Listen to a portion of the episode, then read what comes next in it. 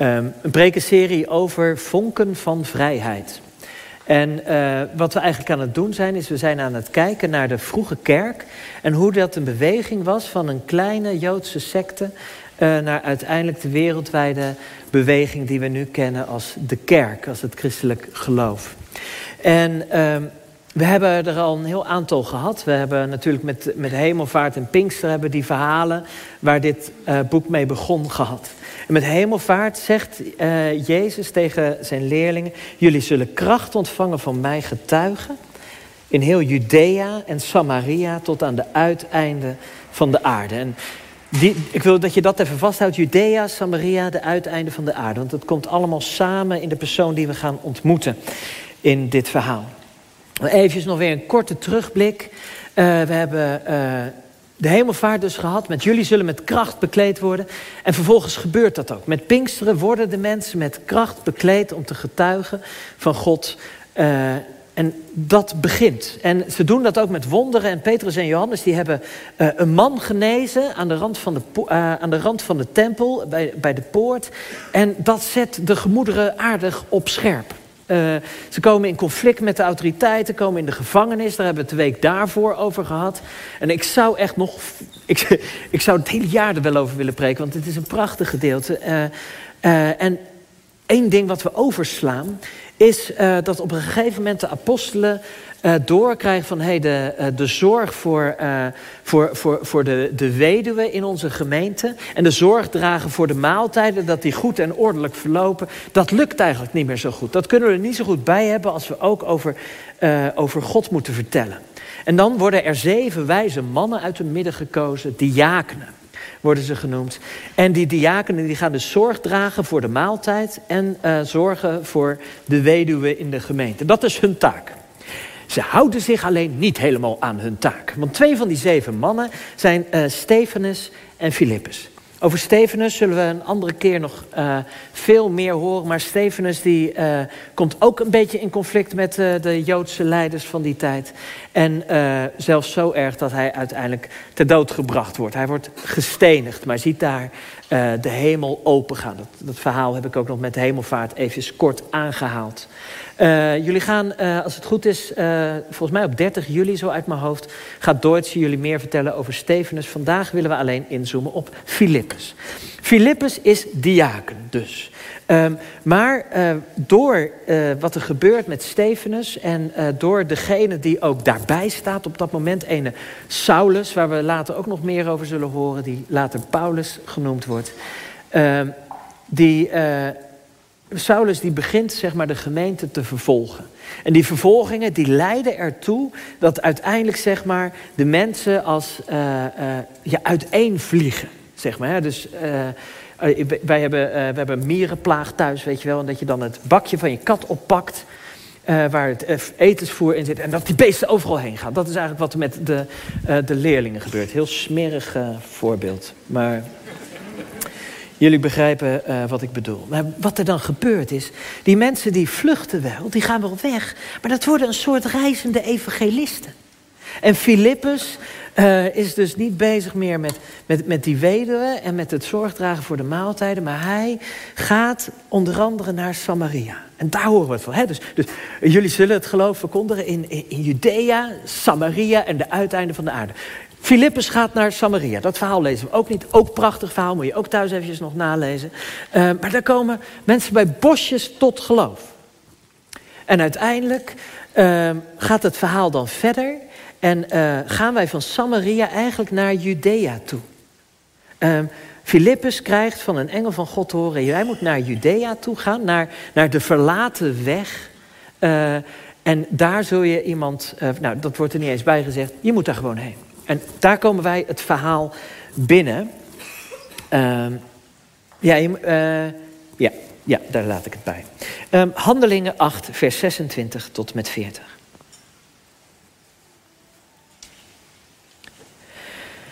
Een engel van de Heer zei tegen Filippus: Ga tegen de middag naar de verlaten weg van Jeruzalem naar Gaza.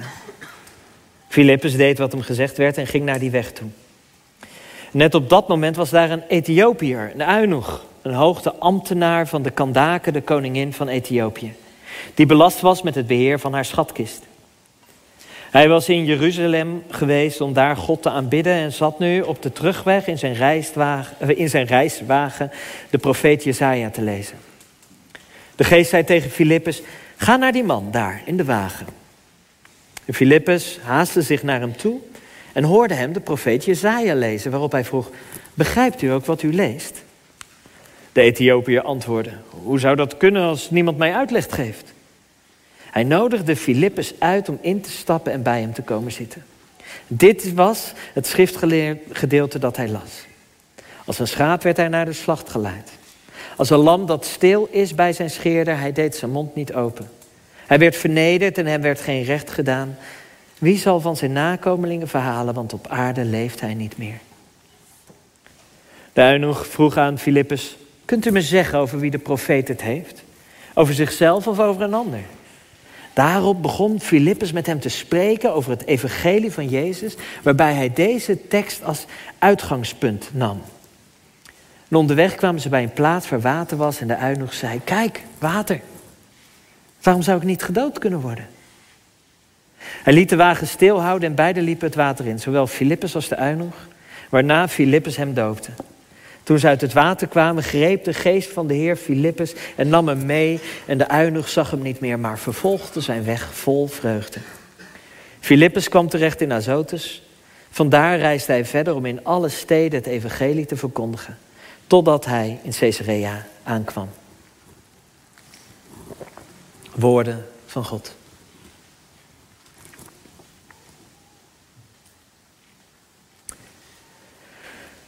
Ik, uh, heb een keer, ik mocht een keer getuige zijn van een wonder.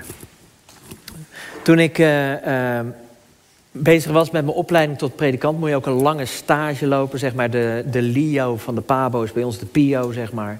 De predikant in opleiding. En die liep ik in Maarn. En ik uh, uh, moest daar ook oefenen in het pastoraat. En ik was op een gegeven moment uh, bij een echtpaar uitgenodigd om daar thuis te komen. Als een soort leermoment ging ik daar met hun praten over hetgene wat zij hadden meegemaakt. Maar toen ik daar kwam, was daar verrassend genoeg ook hun dochter. En uiteindelijk ging het gesprek met name met de dochter. En uh, die, die dochter die, eh, die vertelde mij dat ze helemaal gek was op LARP. Uh, living Acting Role Playing. Ze vond het fantastisch om kostuums te maken en ging naar bepaalde festivals, magic festivals, waar ze op een gegeven moment iets mee had gemaakt. Ze was namelijk getuige geweest van een Burning Man ritual. En een Burning Man, dan worden er allerlei spreuken en gedachten in de buik van de strooien pop gegooid. En die worden uiteindelijk in de brand gestoken. Een heidens offerritueel. En uh, zij had zich daar niet, terwijl ze met vriendinnen was die er helemaal geen moeite mee hadden, ze had zich daar niet kies bij gevoeld. En ze zei tegen mij: Had ik dat goed? Klopte dat? En ze vroeg mij als het ware: van, joh, uh, duidt het gevoel wat ik had daar? Uh, want haar ouders had ze het ook tegen gezegd. En die, die hadden gezegd: van, joh, dat is toch dezelfde poppenkast als waar je de rest van de tijd mee bezig bent. Dat, is, maakt toch allemaal niet uit. Ik zei haar: van, joh, ik denk dat je gelijk had. Ik denk dat, dit, dat, dat hier sprake was van een stukje occultisme. En het is goed dat je er niet aan mee deel hebt gedaan. Uh, deel aan hebt genomen. En uh, op dat moment kwam er iemand in mijn gedachten. En ik zeg tegen haar van, joh, er is iemand aan wie ik jou heel graag zou verbinden. Ik zeg, ik heb er al in geen tien jaar meer gezien. Ik heb geen flauw idee waar ze woont. Maar uh, ja, mijn hart ging uit naar deze meid die, die zo alleen was in haar geloofsbeleving, in haar uh, in haar zoektocht naar, naar het goede. Uh, ik dacht, hier moet iemand aan gekoppeld worden. En ik moest aan Aukje denken. En ik had Aukje al in geen tien jaar dus meer gezien. Ik kende haar van het Flevo Festival. En zij was zeg maar uh, ook een beetje anders dan andere mensen. Zeg maar, waar iedereen in een gewone uh, of uitklap iglo-tent... sliep zij al in een wigwam, zeg maar. Dat type, dat type. En, uh, dus ik wist niet waar ze was. En, en gezien de persoon die ik had leren kennen, kon ze net zo goed in een hutje zonder stroom ergens op de heide uh, uh, van Zweden wonen. Ik weet niet of daar heide is trouwens, bedenk ik me nu. Maar dat. Ik, ik had geen flauw idee waar zij was. En ik rijd naar huis en ik, ik heb daar ook echt nog een, een godsmoment. Ik kijk uit over de natuur, ik bid voor deze meid. En ik, ik kom thuis en ik ga op Facebook kijken en ik denk, oh, ik hou mijn hart vast. Waar is ze? Waar is ze? En ik kom erachter dat, dat Aukje niet alleen nog in Nederland woont, als ik er vind op Facebook. Maar dat ze niet alleen in de provincie Utrecht woont. Nee, dat ze niet alleen in Maarn woont, maar echt op 200 meter afstand van deze meid. Ja, dan klapperen je oren wel. Eh, en, en, dit is zo vaak hoe, hoe God werkt. Wanneer we, tenminste zo, zo heb ik dat ervaren in mijn leven. En, en wellicht dat je dat herkent. Maar dat God bezig is dingen te doen, zeg maar, die, die, die je zelf totaal niet verwacht. En die ineens op je pad komen waar je alleen maar de verbindende schakel hoeft te zijn. Zonder dat er iets van jou uitgaat of wat dan ook. Maar dat je de verbinder mag zijn. En dit is hoe God werkt. Hij verbindt mensen. Op een bijzondere manier. God is een bruggenbouwer. Bruggen die wij niet zien, die vindt God. Waarom vertel ik dit verhaal? Om, om, omdat dat ook is wat hier gebeurt. In dit verhaal. Filippus is... Uh, er is geen enkele reden waarom Filippus daar moet zijn... behalve dat die engel van God hem heeft gezegd dat hij daarheen moet. Want die weg naar Gaza, uh, daar staat over, dit is woestijn. En uh, het is niet helemaal helder of die weg naar woestijn is... of dat, dat Gaza op dat moment een woestijn is. Dat het gaat om een oude nederzetting waar je echt niet hoefde te komen... tenzij je die verre reis maakte langs de zee naar Egypte... en verder het Afrikaanse continent in. Deze Filippus hoeft daar niet te zijn. Hij, hij is... Hij is hij is die diaken, zeg maar. Uh, helemaal niet belast met dit werk, maar hij is zeg maar per ongeluk evangelist geworden. Um, hij gaat vervolgens op een weg waar hij niet hoeft te zijn. En waar hij ook niet de verwachting heeft ooit iemand tegen te komen. Want dit is een weg, daar hoef je niet te zijn. Dat, dat daar is, is al bijzonder. En dat deze man daar is, is ook ontzettend bijzonder. Want het rijk waar hij vandaan komt, het toenmalige Nubië, uh, Zuid-Soedan ligt het volgens mij ongeveer, was 2500 kilometer karren met een ossenwagen. Dat doe je niet voor je plezier. Maar deze man die is blijkbaar geraakt. Er, zijn ook, er is ook sprake van nog hele vroege connecties met die Ethiopische rijken. In de, in de tijd van Salomo wordt er al over gesproken. Uh, er is een linkje. En op de een of andere manier komt deze man komt naar de tempel en er staat... hij was naar de tempel geweest om God te aanbidden. Maar dat was best wel lastig. Want deze man was niet alleen niet onderdeel van het Joodse volk... maar hij kon ook geen proseliet worden. Een proseliet is, is uh, een jodengenoot. Iemand die... die uh, uh, die medegelovig wordt en die zich dan ook laat besnijden en zo toegang krijgt als het ware tot het Joodse volk. Hij kon zich niet laten besnijden, want heel eerlijk gezegd, daar hing niks meer. Deze man, een uinoeg, had geen enkele kans om onderdeel te worden van dat Joodse volk. En toch is hij er. En is hij in die tempel geweest. En heeft hij waarschijnlijk daar die reinigingsbaden gezien. waarin de Joden zich doopten voordat ze de tempel binnengingen. En deze man is onderweg terug. Wat moet dat een pijn hebben gedaan? Om zo'n eind te reizen en daar te horen te krijgen: je mag er niet zijn. Je hoort er niet bij. Je bent, je bent anders. Waar zit ik? En, en, en ja, dit, vind ik nog wel even goed om te, uh, te beseffen. De, uh, zeker in het weekend van, van, van, van Kitty Kotti, zeg maar. Dus de, de, de herdenking van slavernij 150 jaar geleden. Um, wij zijn, als we met onze westerse bril kijken, dan denken we misschien wel negatief over deze man. Denken we van, oh, wat, wat bijzonder dat, dat, deze man dat ook krijgt. Maar de verhouding hier in dit verhaal is volstrekt andersom. Als je kijkt naar de, de vroege geschriften uh, van, van die eerste eeuw en van de, van de klassieke wereld, wordt er absoluut niet negatief gesproken over de Afrikaanse cultuur. Sterker nog, dat waren de oudere culturen. Daar leefden de mensen langer omdat ze een bepaalde wijsheid hadden. Hier werd tegenop gezien. Dit waren waardevolle, oude culturen. En deze man heeft als het ware alles. Hij is, hij is onderdeel van, uh, van een uh, bijzondere cultuur. Daar is hij ook nog eens de hoogste ambte, zeg maar, de minister van Financiën van de koningin. Dat kan daken, dat is een soort, net als het woord farao, zeg maar. Hij is de, de, de minister van Financiën van, van, dat buitenlandse rijk. En... Uh, deze man heeft alles en Filippus heeft niets. Is, is, een, is een vluchteling die uh, in gemeenschap van goederen getrouwd is met de rest van de kerk. Deze mensen ontmoeten elkaar. Deze twee personen die worden, echt elkaars tegenpolen zijn, die worden hier één. En dat, dat is ook het woord wat er staat. Hij, hij verbindt zich. Hij verbindt zich op het moment dat hij die wagen binnengaat en, en, en uh, uh, daar dat, dat evangelie blootlegt, verbindt hij zich aan deze man. Wat, wat is de verbinding? Wat is de verbinding? De fascinatie voor Gods woord. Ik kan me zo voorstellen dat die, die nog dit las. Wie zal van zijn nakomelingen verhalen? En dat, dat hij bezig was ook met, met zijn eigen legacy. Dat hij zichzelf, zoals wij dat ook doen. Uh, en uh, zoals Veerle dat ook al beschreef. Dat je de Bijbel open doet en erachter komt hoeveel God van je houdt. En, en dat is ook wat hier gebeurt. Wie zal van zijn nakomelingen verhalen? En hij hoort de onrechtvaardigheid in die tekst die hem net is overkomen. En hij vraagt aan Filippus, over wie gaat dat? En Filippus begint te vertellen van de man die hij gevolgd is. Van de man over wie hij gehoord heeft. De, man die is, hij is gaan dienen. Namelijk Jezus. Jezus die kinderloos gestorven is. Maar de eerste Adam geworden is van een nieuw geslacht.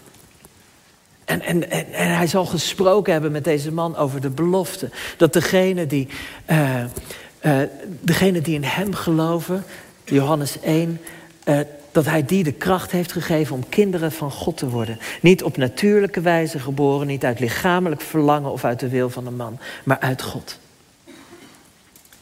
Deze man ziet voor het eerst de tempel als het ware opengaan. Hij mag binnengaan. En de Jezaja-teksten, eigenlijk zouden we, eh, zouden we ook een reeks over Jezaja en handelingen gewoon samen moeten pakken. Want deze teksten uit Jezaja, die hoor je voortdurend echoen in handelingen. En ietsjes verderop in handelingen, in, in Jezaja, in Jezaja 56, staat er haast letterlijk een, een, een, schrifttekst voor deze man. Laat de niet zeggen, eh, Jezaja 56 vers 3 tot met 5. Laat de niet zeggen, ik ben maar een dorre boom, want dit zegt de Heer. Ja, uinoeg die mijn Sabbat in acht neemt en de keuzes maakt naar mijn wil. Die vasthoudt aan mijn verbond. Hem geef ik iets beters dan zonen en dochters. Een gedenkteken en een naam in de tempel. En ik geef hem een naam binnen de van mijn stad. Ik geef hem een eeuwige naam. Een naam die onvergankelijk is.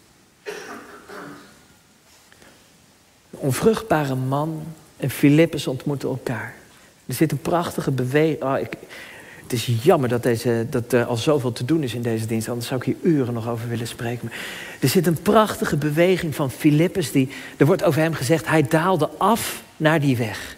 En vervolgens uh, stijgt hij op naar die wagen. Hè, dat, is, eh, dat, dat woordje is opstijgen. En dan gaan ze samen. Hè, dus die bewegingen van die twee mensen die door de wereld zijn gegaan, gaan nu samen. En ze, ze dalen samen af naar het water. Dat is wel leuk voor wie, leuk weet je. Uh, als je goed op hebt gelet in je Bijbel, vond je geen vers 37. Het hele vers, dat, eh, dat, dat, dat is in latere handschriften. Vonden mensen het zo ingewikkeld dat er, ja, zo'n buitenlandse man die alleen maar een beetje te horen heeft gekregen, moet toch zeker nog wel iets van een beleidenis gedaan worden door deze man. Hij, hij moet wel iets bijzonders gezegd hebben. En, uh, en dan is er een versje bijgemaakt in vers 37 waar iets staat als: Als u gelooft met heel uw hart is het toegestaan. En hij antwoordde: Ik geloof dat Jezus Christus de Zoon van God is. Maar Heer, Lucas houdt het ontzettend simpel. Wanneer die man zegt, mag ik door het water gaan, dan gaat Filippus met hem mee in die beweging naar beneden. Dezelfde beweging die onze Heer gemaakt heeft. Toen hij zijn heerlijkheid aflegde en de gestalte nam van een slaaf om onder ons te wonen, om mee te gaan. Zo daalt Filippus hier af met de, de uinoog, gaat door het water heen en komt samen weer omhoog. Dat is de plek waar de vreugde begint. Wanneer ze samen door het water heen gegaan is. Twee culturen verbonden door één ding, namelijk de naam van Christus. En het, het, verhaal van, van Jezus zoals ze dat in die oude geschriften vonden. Prachtig. Ik wil afsluiten met twee toepassingen. Allereerst dit. Hebben jullie je wel eens gerealiseerd dat Jezus geen Grieks sprak? U, u leest uw Bijbel in het Nederlands. Hij is in het Grieks geschreven, maar Jezus heeft nooit Grieks gesproken. Jezus sprak Aramees. Van meet af aan is onze christelijke cultuur een cultuur geweest die zich liet vertalen. Die binnen andere contexten gestalte kreeg. En die beweging zijn we nu ook aan het volgen in handelingen. Van hoe die kleine Joodse secte uitgroeide tot een wereldreligie. En eerst waren het de Samaritanen, de, uh, de halfbloed nep-Joden... Die, niet, die het wel over Adonai hadden, maar hem vast niet goed kenden. Die komen eerst aan de beurt. En nu zien wij hier in Judea, zien wij... Uh, zien wij Filippus, zeg maar in Judea, want die weg lag in Judea, met iemand spreken die spreekwoordelijk aan het einde van de aarde woonde, namelijk in dat rijk, in Nubië. Uh, het christelijk geloof is van meet af aan een religie geweest die niet een subcultuur bouwde, ook geen heersende cultuur wilde zijn, maar die een brugcultuur wilde zijn. Geen subcultuur, geen heersende cultuur, maar een brugcultuur.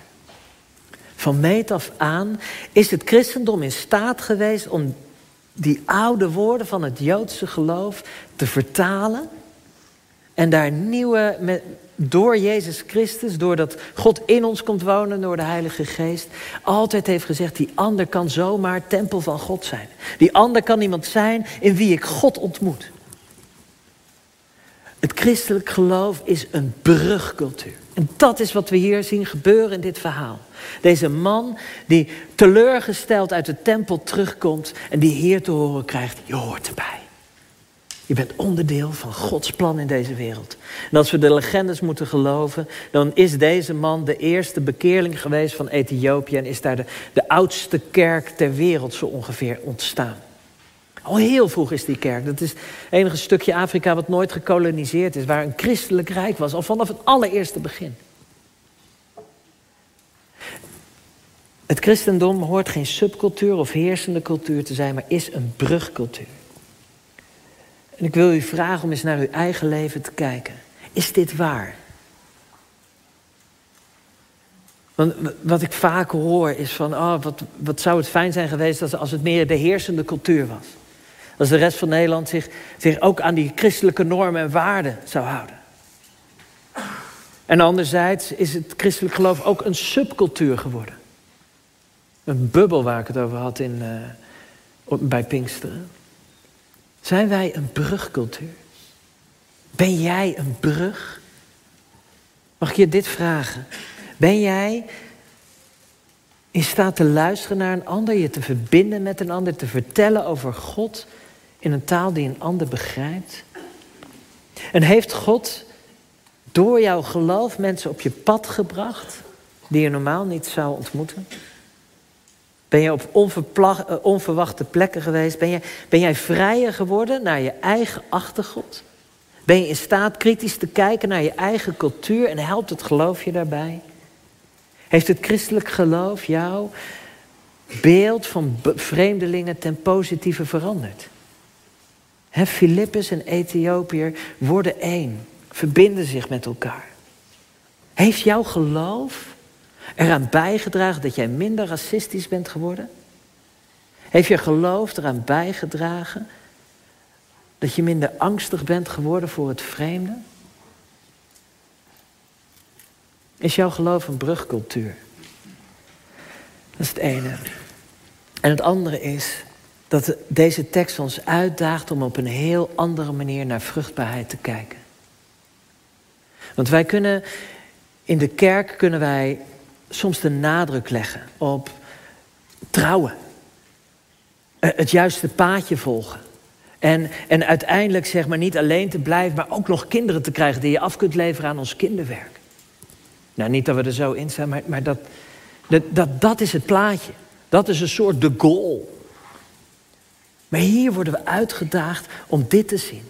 Een dorre boom, een uinoeg uit een totaal ander land is degene die vruchtbaar is in dit verhaal. En zijn vrucht zit hem niet in, in, uh, in zijn voortplantingsmogelijkheden. Zit hem ook niet in, in, in, in, uh, in zijn, zijn, zijn, carrière of wat hij bereikt heeft, hoe, hoe, hoeveel uh, vermogen hij verzameld heeft. Nee, zijn vruchtbaarheid zit hem erin dat hij iemand ontmoet heeft die hem over God heeft verteld. En dat hij neergaat in het water en weer omhoog komt. Dat is waar zijn. Daarvoor is hij hier. Dat is zijn vruchtbaarheid. We zijn soms zo ontzettend slaven van, van dat alles maar uh, maar nut moet hebben. Moet bijdragen aan de groei van, van, van, van, van onze carrière, van ons gezin, van, van, van wat. Maar wat nou? Als God jou uitdaagt om op een andere manier naar je leven te kijken en te zeggen van, zou het kunnen dat jouw vruchtbaarheid totaal ergens anders zit? Zou het kunnen dat jij je allergrootste best doet om de jaken te zijn terwijl je meer een evangelist bent? Zou het kunnen dat dat pad wat jij nu gaat in jouw leven, dat dat niet de plek is waar je vrucht draagt? Zou het kunnen dat mag, mag God tegen jou zeggen, nou wil ik dat je een zijpad neemt? Dat je naar een plek gaat waar jij het gevoel hebt dat er nooit vruchtbaarheid kan ontstaan. Ja, maar het is daar woestijn. En daar wil ik je hebben. Kan het zijn dat, dat, dat God jou wil bewegen vanaf, van, van dat pad af? En durven ons te laten verrassen. In ontmoeting met een ander. Waar ben jij vruchtbaar? Ik denk dat, dat we allemaal het gevaar lopen dat het geloof, dat, dat de dienstbaarheid aan God uiteindelijk een dienstbaarheid aan onszelf wordt. Dat het ons goed doet om naar de kerk te gaan. Dat het ons goed doet. Dat het ons in staat stelt de rest van ons leven te leven. Maar het zou andersom moeten zijn. Jouw leven zou dienstbaar moeten zijn aan Gods weg. Aan wat, wat, wat God met jou wil. Aan de blijde boodschap waar je over mag vertellen. Is jouw leven dienstbaar aan God of is God dienstbaar aan jouw leven? Die twee dingen. Waar zit jouw vruchtbaarheid? En kunnen wij op een andere manier gaan kijken naar dat hele concept van vruchtbaarheid? En het andere is die, dat, dat het een brugcultuur moet zijn. Nou, dat wilde ik jullie vertellen vanochtend. Mag ik met jullie bidden?